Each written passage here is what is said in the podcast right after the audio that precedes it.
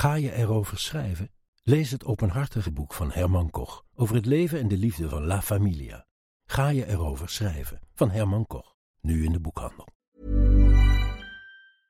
I'm Sandra, and I'm just the professional your small business was looking for. But you didn't hire me because you didn't use LinkedIn jobs. LinkedIn has professionals you can't find anywhere else, including those who aren't actively looking for a new job but might be open to the perfect role, like me. In a given month, over 70% of LinkedIn users don't visit other leading job sites. So if you're not looking on LinkedIn, you'll miss out on great candidates like Sandra. Start hiring professionals like a professional. Post your free job on linkedin.com/people today. When you're ready to pop the question, the last thing you want to do is second guess the ring.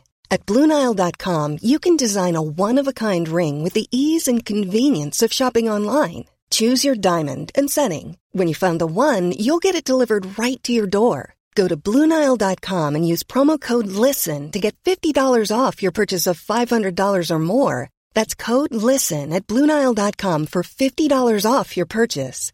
Bluenile.com code LISTEN.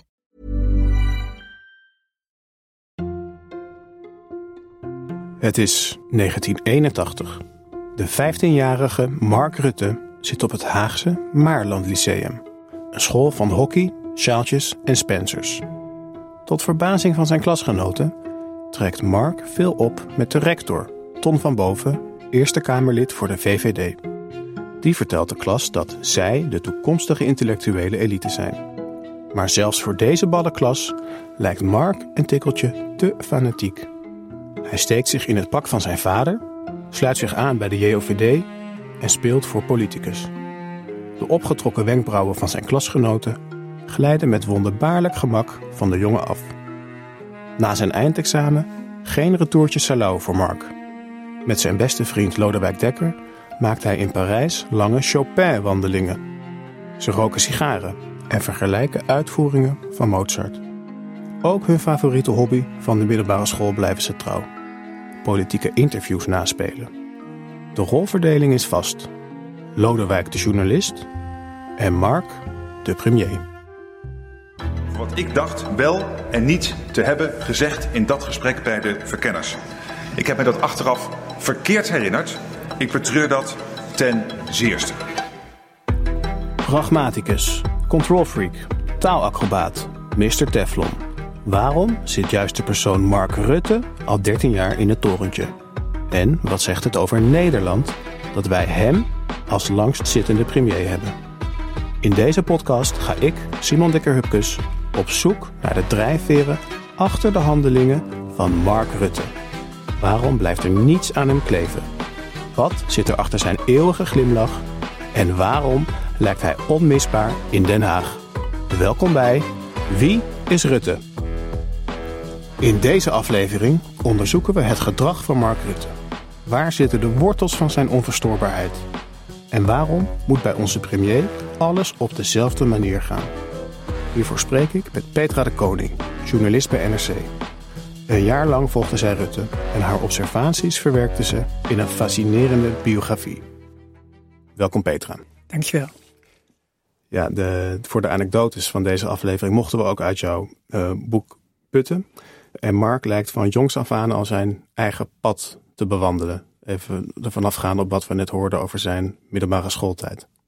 Ja, zeker. Hij leek in die tijd al een uh, volwassen man in het lichaam van een jongen. Ja. Uh, hij, uh, mensen om hem heen dachten ook dat hij daarom zo goed met de rector kon opschieten, omdat hij al veel ouder was dan je dacht. Um, of tenminste, zo gedroeg hij zich. Uh, nee, die, die van boven, dat was ook een, een hele statige man. Die VVD-senator met een horlogeketting en een ja. driedelig pak. En het was natuurlijk wel een beetje vreemd als je met zo iemand heel goed kon opschieten. Zijn vrienden uit die tijd dachten dat hij door hem bij de VVD terecht was gekomen. Dat hij hem had meegenomen mm -hmm. en uh, in gesprekken zover had gekregen dat hij een, een echte VVD ja. zich was gaan voelen. Eventjes terug naar dan dus de middelbare school en ook misschien daarvoor. Kan je een beeld voor ons schetsen van uit wat voor gezin en omgeving komt, Mark Rutte? Nou, zijn vader was directeur bij een autodealer. Uh, hij had in Nederlands-Indië gewerkt en daar had hij ook in een interneringskamp gezeten. uh, zijn eerste vrouw is daar overleden. En Rutte's vader is toen met drie kleine kinderen teruggekomen naar Den Haag. Daar is hij getrouwd met de jongere zus van ja. zijn eerste vrouw. En ze kregen samen nog vier kinderen. Rutte was een nakomertje. Die is eigenlijk alleen opgegroeid ja. in, in dat gezin. Ja, dus als hij het heeft, het soms wel over zijn broer of zijn zus, maar daar heeft hij eigenlijk niet mee in een huis gewoond als klein kind. Nee, die zijn allemaal een stuk ouder dan hij zelf. En in hoeverre speelde het Indische verleden een, een rol in de, in de jeugd van Rutte? Nou, ze, uh, Rutte heeft zelf daar wel eens over verteld dat ze uh, bijvoorbeeld thuis het woord Maleisische, Maleise woord obat gebruikt voor medicijn uh, en kree voor zonnescherm. Weet je, dat dat nog steeds heel erg levend was in mm -hmm. hun huis. En elke zaterdagavond aten ze Indisch. Ja. En hij vertelde ook dat hij bij zijn vader niet echt kon doorvragen naar wat hij had meegemaakt in het kamp. Dus Ja. dat daar nog wel een verborgen donker hoekje zat. Ja, nou, we weten uit de literatuur dat dat ook bij dan de kinderen daarvan vaak wel iets, Precies. iets, iets nalaat. Hoewel het lastig te duiden is wat dat dan precies Mhm. is. Eh, we hebben het nu al over zijn vader gehad. Wat voor vrouw was de moeder van Mark Rutte? Ja, dat was een onverstoorbare, nuchtere vrouw. Zo praat Rutte ook over haar. Ze rookte twee pakjes sigaretten per dag. Ze dronk jenever. Ze trok zich niks aan van wat mensen daarvan vonden. Dat heeft ze tot het eind van haar leven gedaan. En ze was ook helemaal niet onder de indruk van wat hij later werd, premier Nee. van Nederland. Als je maar normaal blijft doen. Hè. En dat was ook wat zijn vader altijd zei. Eh, blijf jij maar gewoon op de kleine steentjes lopen, jongen. Je denkt maar niet dat je al te veel eh, voorstelt. En op een gegeven moment is hij natuurlijk wel veel van gaan voorstellen. Maar dat, je hij wekt niet de indruk dat, dat dat met hem op de loop Nee. gaat. Dat Ja. zie je niet aan hem. Ja, dus dat onverstoorbare komt misschien ook een beetje van zijn moeder af dan. Ja, daar ziet het wel naar uit. Ja. Ja. Ja. Je schrijft in je boek ook, hij wordt in de lagere klasse van de middelbare school een beetje gepest of, of geplaagd. Eh, maar dat lijkt hem niet zo te deren. Nee, er is één scène eh, die mensen uit die tijd hebben verteld. Dat hij werd opgesloten in de schoonmaakkast. Ja, En de conciërge kwam hem daar uithalen. En eh, Rutte stapte eruit en mopperde een beetje van... hé, wat een vervelende mannetjes Ja. die dat gedaan hebben. Maar hij wekte niet de indruk dat hij het heel erg vond. ja, dat is wel wonderbaarlijk voor een. Dat is heel gek, Ja, ja. en dat is, nou, je hebt niet heel veel fantasie nodig om dat door te vertalen naar hoe dat dan later in zijn politieke carrière ook een rol speelt. Ja, precies. Ja. Hij wekt heel vaak en ook dus toen ook al de indruk dat het hem niet zoveel uitmaakt wat mensen van hem vinden. Nee. Hij was ook op de middelbare school heel anders dan andere kinderen. Weet je, heel eh, veel serieuzer, eh, met, met heel andere dingen bezig. Ehm, en hij wilde toen ook al de politiek in. Daar oefende hij dus toen ook al voor. Ja. Nou, hij heeft dus al jongs af aan een enorme interesse in de politiek. En ook groeit de ambitie om daar misschien iets in te gaan doen. En hij besluit dan om bij de JOVD te gaan, de jongerenorganisatie van de, van de VVD. Hij wordt op een gegeven moment ook de voorzitter van het bestuur. Eh, kan jij iets zeggen over zijn tijd bij, bij die organisatie? Ja, volgens vrienden uit die tijd heeft hij daar de belangrijkste tactieken en strategietjes geleerd die hij later ook steeds zal gaan gebruiken. Ja. Die, die je nog steeds ook bij hem ziet. Bijvoorbeeld dat je de tijd zijn werk moet laten doen. Ja. Je moet jezelf geen deadline opleggen als dat niet echt nodig is.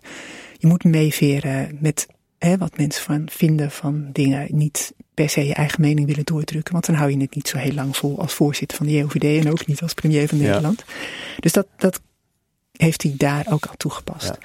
Kan je iets vertellen over de JOVD in die tijd? Was dat een, een roerige beweging? Of waar je blijkbaar goed moest opletten dat je eigen kop er niet afging? Ja hoor, er werd heel serieus aan Ja. politiek gedaan. En eh, keihard, ook heel persoonlijk. Dus dat is absoluut een leerschool voor heel veel jongeren ehm, in de VVD ook geweest. Ja. Dus weet je, om daar eh, jezelf staande te houden, moest je wel goed opletten, om je heen kijken. Ehm, bondjes sluiten, eh, ja, de, de goede keuzes maken. Ja. Ja, het was keihard. Ja, het is altijd fasci- ik vind het zelf altijd fascinerend. Mensen die dus worden wat ze van jongs af aan eigenlijk al, al wilden worden. Eh, hij wilde premier worden, want we weten dat is zijn vriend Lodewijk Dekker, die hebben we al genoemd. Die zat ook bij de JVD en die schreef, eh, heeft op een gegeven moment een klein boekje geschreven. Het Tchernenko-complot met in de hoofdrol premier Rutte. Ja, dat was een heel dun boekje. Eh, Lodewijk Dekker heeft het zelf geprint en laten binden. Eh, ja, premier Rutte, die was eh, van de reactionaire partij Nederlanden, de RPN. En hij had een bijzonder groot hoofd, zo wordt hij omschreven. En hij speelde op de piano het liefst Chopin. ehm, nou ja, hij probeert in dat verhaal Tchernenko junior aan de macht te brengen in de Sovjet-Unie. En, en Dekker zelf en andere JOVD'ers hebben allemaal een rol in dat boekje. Uh, en premier Rutte die was voor het leven benoemd, dus hij bleef altijd premier. Uh, hij was gescheiden in dat boekje van Miss Panama en hij trouwt aan het eind van het boek met Hildegard. En dat staat dan ook weer voor een vriendin uit de JOVD, met wie Rutte ook wel naar Parijs is geweest en ook wel naar Londen en Cambridge. Eind jaren tachtig wordt hij dus de, de voorzitter van de JVD. Zijn voorganger die is uh, Annette Nijs. Nou, die kennen we ook nog. Die is staatssecretaris geweest. En zij zei over, over Rutte op een gegeven moment nadat er een conflict is geweest. Rutte heeft dat opgelost. En dan zegt zij iets in de trant van allemaal mooi en aardig. Maar we zijn gewoon platgeluld. Met andere woorden, ja, achteraf keek ze om zich heen en dacht ze bij zichzelf: wat is hier nou gebeurd? Wat heeft die Rutte ons ge, geflikt? Ja. ja, er was één JOVD een oud JOVD'er die zich daar meteen al zorgen over maakte. Die dacht van, weet je, deze man wil de politiek in, maar wordt dit dan zijn manier van doen? En, en wat is die manier? Nou ja, als je kijkt hoe die, hoe die ergens binnenkomt, uh, hoe die meteen uh, begint te praten over wat hij om zich heen ziet, wat hij gaaf vindt, wat hij interessant vindt. En weet je, hij gaat vertellen, hij gaat vragen stellen. Hij uh, neemt de ruimte in het trekt de aandacht naar zich toe zonder dat je weet wat hij zelf vindt of denkt. En, en mensen denken daarna van ja, wat, wat heeft hij nou precies gezegd? Wat wil hij? Wat vindt hij? Maar het is een, um, ja, een, een, tactiek waarvan die oud JOVD dacht van misschien raken mensen daar ook wel op uitgekeken. En denken ze van, wat, worden we nou de hele tijd platgeluld ja. door Rutte? Heel veel proces, heel veel vorm, heel veel op het interpersoonlijke, maar weinig eigenlijk op de inhoud. Ja, dat is, dat is uh, het idee dat veel mensen hebben als ze dan uh, met hem te maken hebben gehad. Ja. Rutte heeft dus een bijzonder vermogen om zich van kritiek niets aan te trekken, of in ieder geval niet heel persoonlijk op te nemen. Kun jij er iets over vertellen hoe je dat hebt zien gebeuren in de tijd dat jij hem volgde? Nou, Rutte is niet iemand die wordt gedreven door grote idealen. Uh, van allerlei dingen die hij wil bereiken voor mensen. Hij wil een rol spelen in de politieke geschiedenis. Dat heeft hij altijd gewild. En dat doet hij nu al een hele tijd. Dus aan andere politici zie je soms hè, hoe, het, uh, hoe ze lijden onder iets wat ze fout hebben gedaan, ja. wat ze niet hebben kunnen waarmaken. Bij Rutte zie je dat niet. En mensen hebben ook, de kiezers hebben vaak een kort geheugen, dus die ja. zijn dingen ook wel weer vergeten.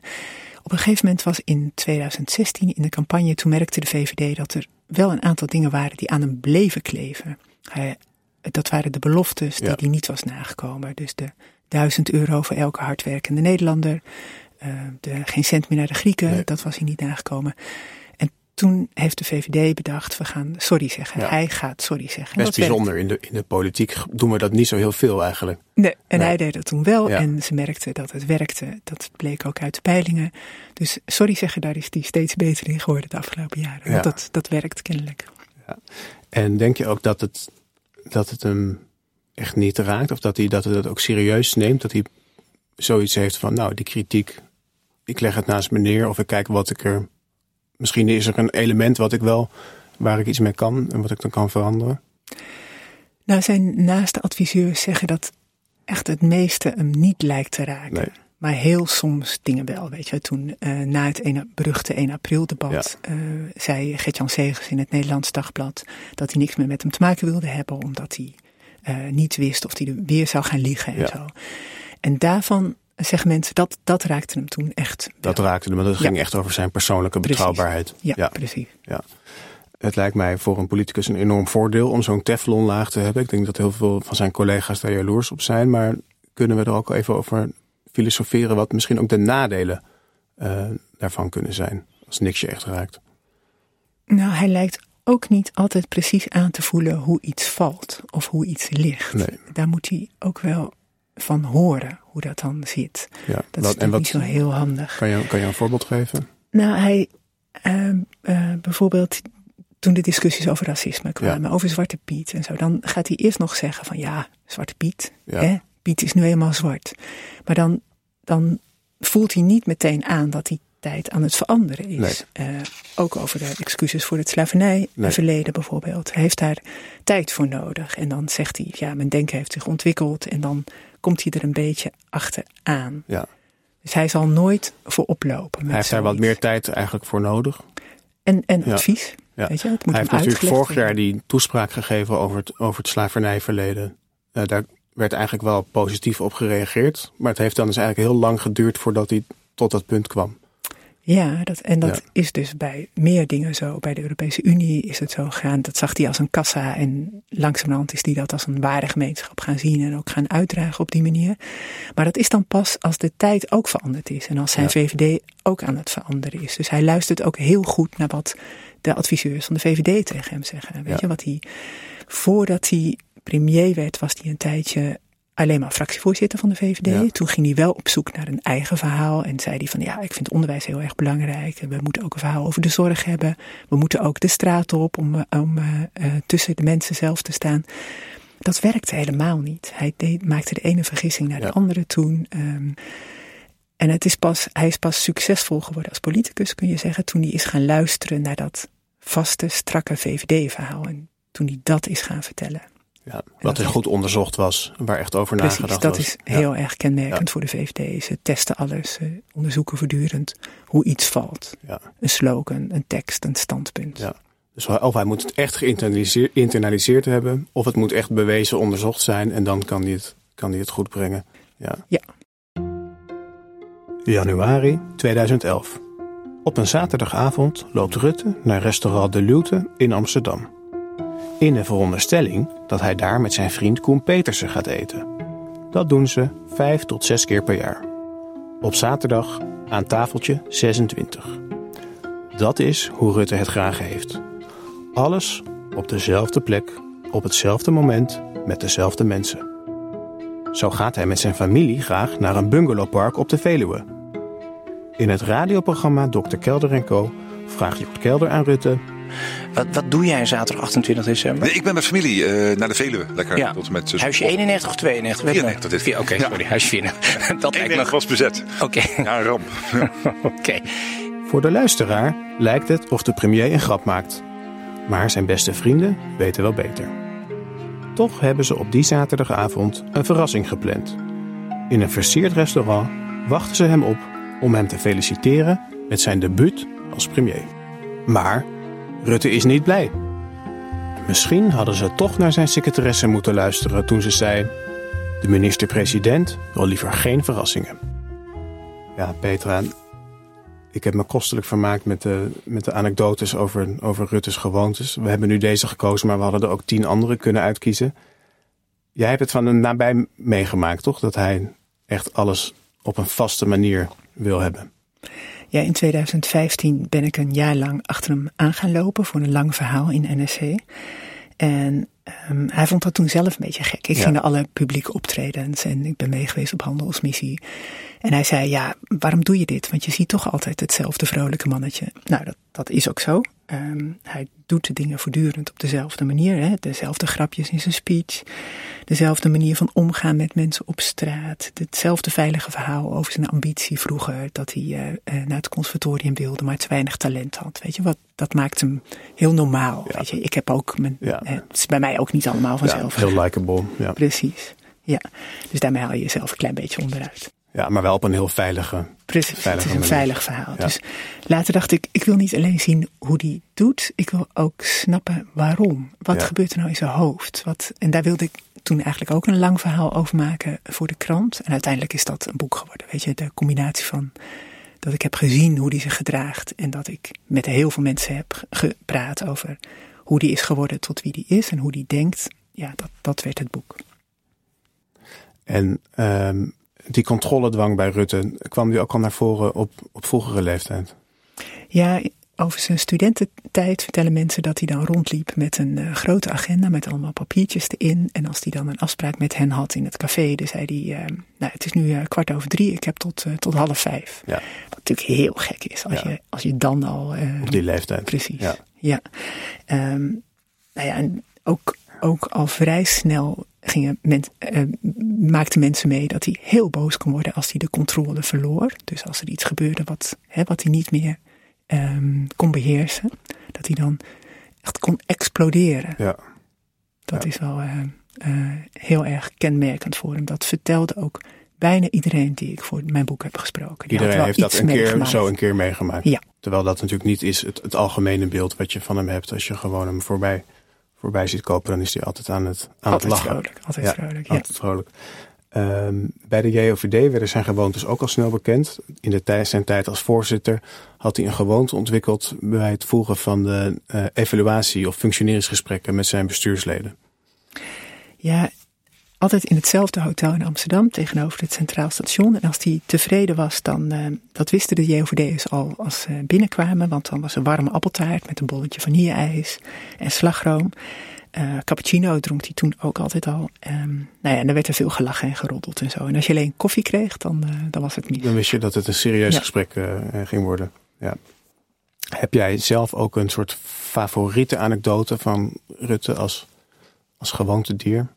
Ja, er zijn een heleboel, maar eentje die, waar ik vaak aan denk als het over Rutte gaat, dat is dan eh, de jaarlijkse vakantie in New York. Hè, als die eh, vijf dagen met Koen Petersen, ook nog een vriend van vroeger van de JOVD, ehm, naar New York gaat. Dan nemen ze altijd dezelfde vlucht. Dan komen ze rond vier uur 's middags aan. En dan in de taxi naar een hotel bellen Ja. ze altijd al naar het, eh, waar- naar het restaurant waar ze gaan eten. Altijd hetzelfde. Ze maken altijd dezelfde lange wandeling Ja. door New York heen. Ze doen dan altijd precies dezelfde dingen. Elk jaar weer. Ja. Ik vind het ongelooflijk. Het is ongelooflijk, toch? Ja, dat is ongelooflijk. Ik kan het ergens ook wel begrijpen. Ik heb zelf ook wel het idee van, oh, het was toen zo leuk.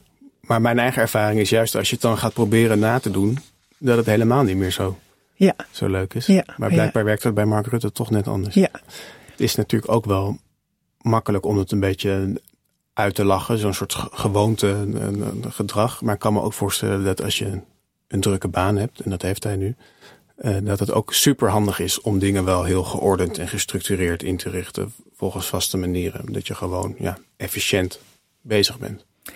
zeker hoor. En na zijn studententijd, toen Rutte bij Unilever personeelszaken was gaan doen, eh, en later ook als staatssecretaris, heeft hij zich heel erg verdiept in leiderschap en wat je daar allemaal over kunt leren. Dus hij had het met vrienden vaak over de Seven Habits of Highly Effective People van eh, eh, de Amerikaan Stephen Covey. Spreek ik dat goed uit? Voor een boek. Ja. Ja, en dat gaat bijvoorbeeld over dat je proactief moet zijn. Hè? Jij Ja. hebt het heft in handen. Nou, dat, dat doet Rutte ook. Hè? Wat ik net beschreef over hoe hij een kamer Ja. inkomt en wat hij, hoe Hij hij... wacht niet af. Hij wacht niet af. Nee. Hij, hij heeft de leiding.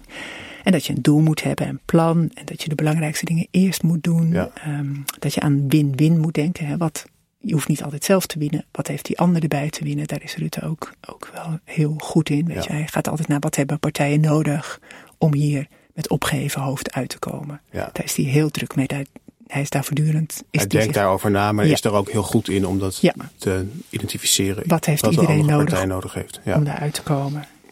En dat je eerst anderen moet begrijpen voordat je zelf begrepen wordt. Dus dat je goed moet luisteren ook. Ja. En hij begon ook vaak over de lessen van, eh, in leiderschap van eh, Rudy Giuliani, die Mhm. eh, burgemeester van New York was in de tijdens de aanslagen van eh, 9-11. Dus hè, dat je op kantoor niet apart moet gaan zitten, maar tussen je mensen. Ja. Rudy Giuliani die vond ook dat je als leider heel veel biografieën moest lezen van andere leiders. Nou, dat doet Rutte nog Doet steeds. Rutte ook. Ja.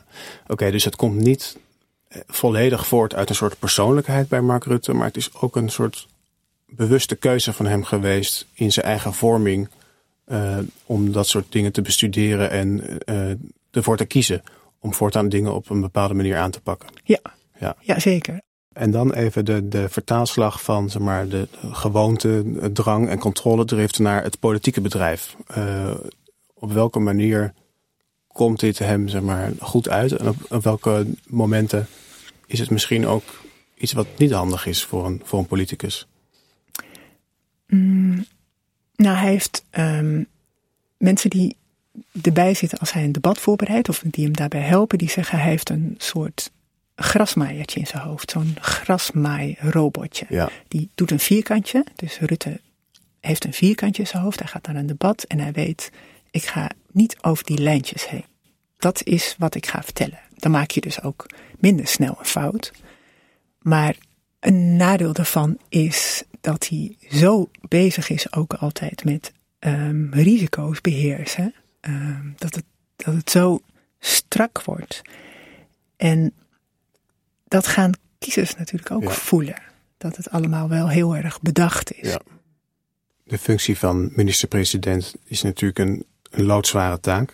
Denk je ook dat die controledwang en die gewoontes hem ook helpen om zo'n moordend schema zo, lang vol te houden?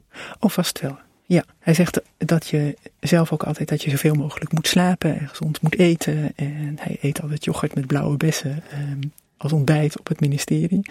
Hij drinkt heel weinig alcohol en ook daarin is hij heel gedisciplineerd en ehm, eh, houdt hij vast aan zijn uh, gewoontes. Ja. Is zijn gedrag eigenlijk uitzonderlijk of is het eigenlijk iets wat, wat deze generatie politici allemaal wel in, in min of meerdere mate doen? Nou, ik ken niemand anders in Den Haag met zo'n enorme controledwang als hij. Maar je ziet wel bij heel veel politici dat ze bang zijn om fouten te maken. Dus dat ze uh, risico's uit de weg proberen te gaan. Dat maakt, denk ik, in zijn algemeenheid de politiek wel um, uh, krampachtig. En, en in dat spel is hij dus op dit moment wel een van de beste. Ja, absoluut. 11 mei 2016. Economieleraar Jack Keizer neemt de telefoon op. Met Mark, zegt de stem. Mark wie? vraagt de leraar. Een dag eerder heeft zijn zoon Remy zichzelf van het leven beroofd. Mark Rutte, zegt de premier. Ik denk dat je me wel kent. Daarmee doelt Rutte op de jaarlijkse herdenkingsdag voor nabestaanden van geweldslachtoffers. Deze woont Rutte sinds 2008 bijna ieder jaar bij. Hij helpt met het aansteken van de kaarsen. Keizer is de organisator van de herdenking. Zijn andere zoon, Pascal, is op zijn zestiende vermoord door drugsdealers. Later vertelt Keizer dat het telefoontje van Rutte hem goed heeft gedaan. Hij moest ervan huilen, maar dat deed hij toch al de hele dag. Na afloop van het gesprek geeft Rutte hem zijn telefoonnummer. Je mag me altijd bellen. Petra, dit is een van de vele anekdotes uit jouw boek waarin Rutte ook echt een grote en diep gevoelde betrokkenheid toont naar zijn medemens. In dit geval nabestaanden van een, een slachtoffer. Um, is dit ook iets wat jij zelf hebt gezien bij, bij Mark Rutte? Nou ja, deze Jack Keizer is later ook bij Rutte langs geweest op het torentje. Hij had een uh, uh, gedichtenbundel samengesteld, had hij zelf ook een gedicht voor gemaakt. En dan uh, zegt Rutte tegen hem, oh dat vind ik zo mooi, dat ga ik aan mijn oude moedertje laten, laten lezen. Ja. Ja, die ja. leefde toen nog. Prachtig. Um, heb jij nog meer voorbeelden van een, een, Rutte zoals wij hem eigenlijk niet kennen van de, van de radio en tv? Nou, een voorbeeld uit de tijd van Rutte 2. Uh, Jet Bussemaker, die was toen minister van Onderwijs van de PvdA, die had op een gegeven moment ontdekt dat haar vader in het huis had gewoond waar Rutte nu woont. In Den Haag, in Benoordenhout. In precies hetzelfde huis. Precies ja. hetzelfde huis, ja. Um, en toen, dat zei ze tegen Rutte. Mijn vader heeft in jouw huis gewoond. Toen zei ik, nou, dan moet hij, dan moet hij langskomen. Ja.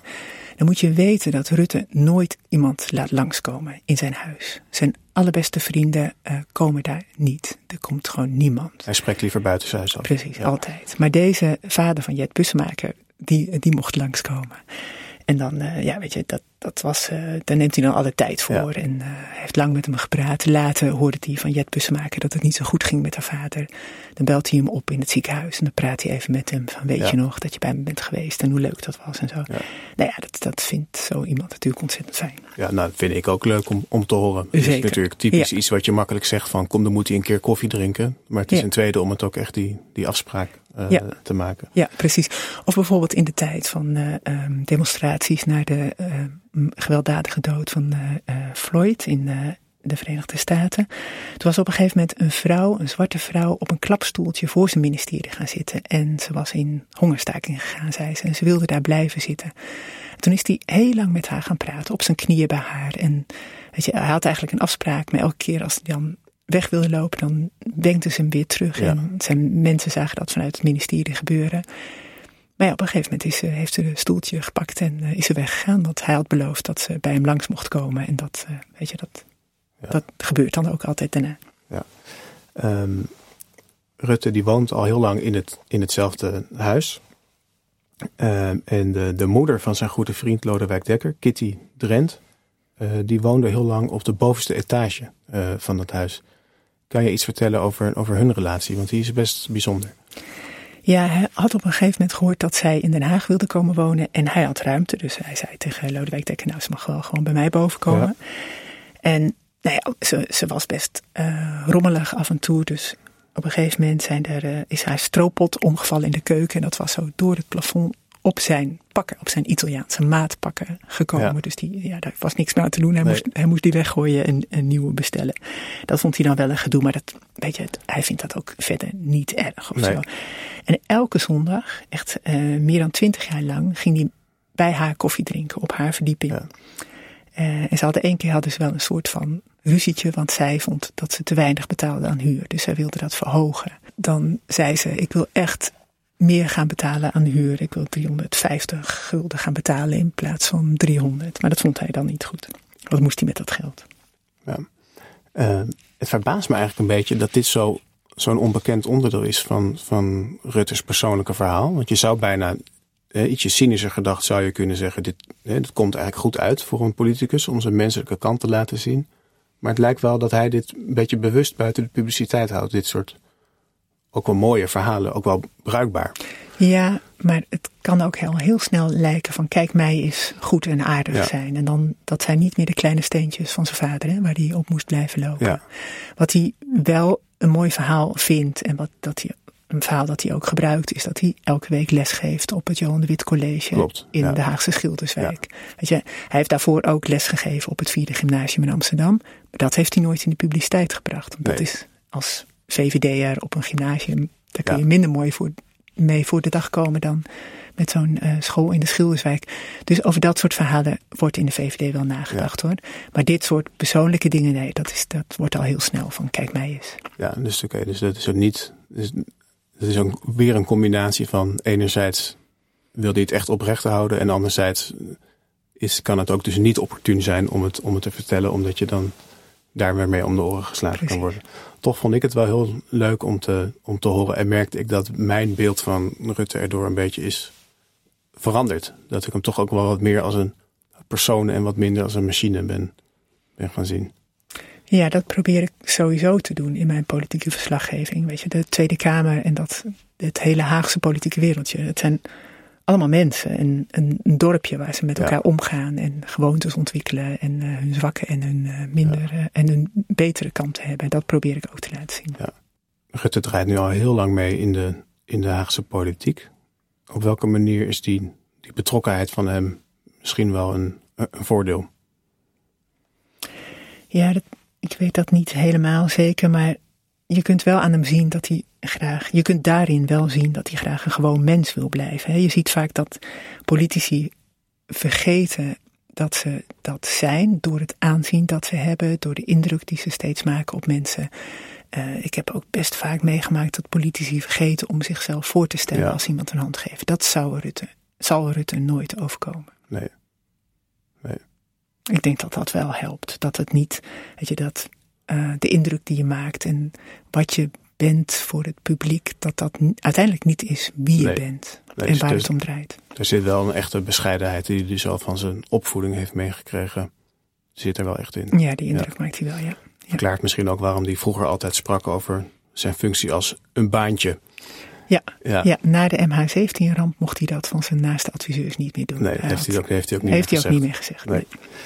Ehm, nou, we, we, hebben Rutte nu eh, gezien als een, ja, man die ook echt betrokken is, eh, maar die ook echt controle eh, wil houden. Ook over het beeld wat er van hem bestaat. Hij is mega bewust van als er camera's in de buurt zijn eh, of hoe er iets kan overkomen op, op, op, beeld. Eh, kun je daar iets, iets over vertellen? Ja, daar is die enorme control freak in ook. Ja, weet je, als mensen op straat naar hem beginnen te schreeuwen en er zijn camera's bij, dan draait hij zich om. Daar wil hij niet mee samen in beeld komen. Ehm, maar hij wil ook niet dat er foto's van hem worden gemaakt als hij iets aan het eten is, want dat ziet er lullig uit, vindt hij. Ehm, hij wil geen telefoon in zijn zak hebben als er een foto wordt gemaakt, want dan is het een gekke bobbel. Zit er een bobbel? Ja. Precies. Maar dat is meer een gedrag wat ik met Hugo de Jonge associeer dan met Mark Rutte op, op een of andere manier. Ja, dan, dat, Ja. Dat, dat vergis je je dan in. Want Ja. dat is heel erg ook Mark Rutte. Eh, hij weet ook eh, hoe een foto of een beeld je kan maken of breken als Ja. politicus. Hè? De Amerikaanse presidentskandidaat John McCain, die werd in 2008 met zijn tong uit zijn mond in beeld gebracht. Met zijn handen vooruit liep hij achter Obama uit, aan. Ja, dat zijn beelden die mensen niet meer kwijtraken. Dus Eén beeld kan killing zijn voor een hele campagne. Absoluut, ja. we gaan richting het, het einde van het gesprek. We hebben Rutte gezien als iemand van gewoontes, als iemand die ook be- be- betrokken is, eh, iemand die ook enorm de controle dus probeert eh, te houden, zowel over wat hij doet als ook het beeld wat er van hem bestaat. Wat moeten mensen volgens jou nou onthouden van dit gesprek voor de volgende keer als ze Rutte voor een camera zien verschijnen of als ze iets in de kranten over hem lezen? Wat moeten we altijd weten als we Mark Rutte zien? Nou, dat is misschien wel vooral een man zien die nogal overtuigend in zijn eigen toneelstuk een rol aan het spelen is. En daar al zijn hele leven naartoe heeft gewerkt. Hè? Premier van Nederland, ondertussen de langzittende, wat hij ook echt altijd graag wilde. Geen grote ijdeltuit, ehm, maar wel een enorme freak als het gaat om die controle en het beeld. Ja. Een, een, een toneelspeler die ook echt in zijn eigen spel is gaan geloven en het ook leeft. Ja, zolang als die dat kan volhouden, zeker. Dankjewel, Petra.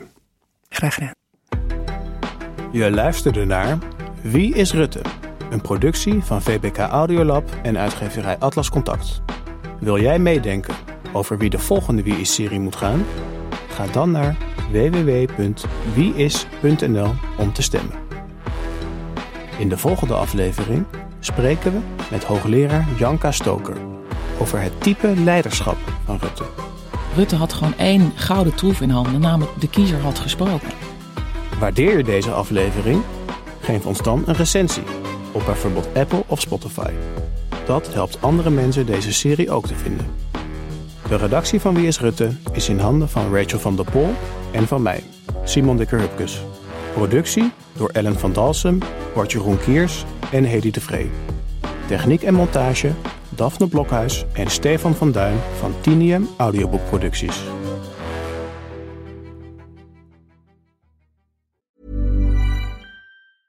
Everyone knows therapy is great for solving problems, but getting therapy has its own problems too, like finding the right therapist, fitting into their schedule, and of course, the cost. Well, BetterHelp can solve those problems.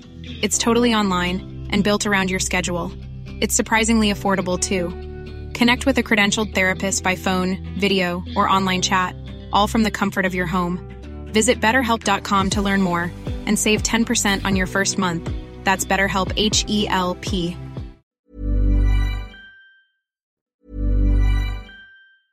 Planning for your next trip? Elevate your travel style with Quince. Quince has all the jet setting essentials you'll want for your next getaway, like European linen, premium luggage options, buttery soft Italian leather bags, and so much more. And it's all priced at 50 to 80% less than similar brands. Plus, Quince only works with factories that use safe and ethical manufacturing practices. Pack your bags with high-quality essentials you'll be wearing for vacations to come with Quince. Go to quince.com slash trip for free shipping and 365-day returns. Even when we're on a budget, we still deserve nice things. Quince is a place to scoop up stunning high-end goods for 50 to 80% less than similar brands. They have buttery soft cashmere sweaters starting at $50, luxurious Italian leather bags, and so much more. Plus, Quince only works with factories that use safe, ethical, and responsible manufacturing. Get the high-end goods you'll love without the high price tag with Quince. Go to quince.com slash style for free shipping and 365-day returns. Laat haar profiel nog eens zien. Sophia, 28. Advocaat. Yes! Uh, doe wat nodig is. Het belangrijkste is haar persoonlijke omgeving leren kennen. Hi, jij bent Sophia. Hi. Hi, ik ben Jonathan. Nog nooit kwam je zo dichtbij de Nederlandse spionagewereld. Jonathan, mocht blijken dat deze leider minder onschuldig zijn dan gedacht, dan is de case closed. Omdat het Den Haag is? Politiek is een no-go. Jonathan, een razendsnelle audiothriller over een jonge AIVD'er op een onmogelijke missie. Ik krijg nog iets binnen via de politieke desk. Een verhaal over Russische inmenging in de politiek. En over macht en ambitie. Ik heb dus de hele tijd het idee dat ik iemand zie. I said no. Go away. Don't be stupid. Don't! Sophia! Sophia! Gebaseerd op de ervaringen van voormalig AIVD'er Inze Martin. Jonathan, Ja? kijk uit hè. Dat je niet vergeet waarom we dit doen. Nu in je favoriete podcast-app.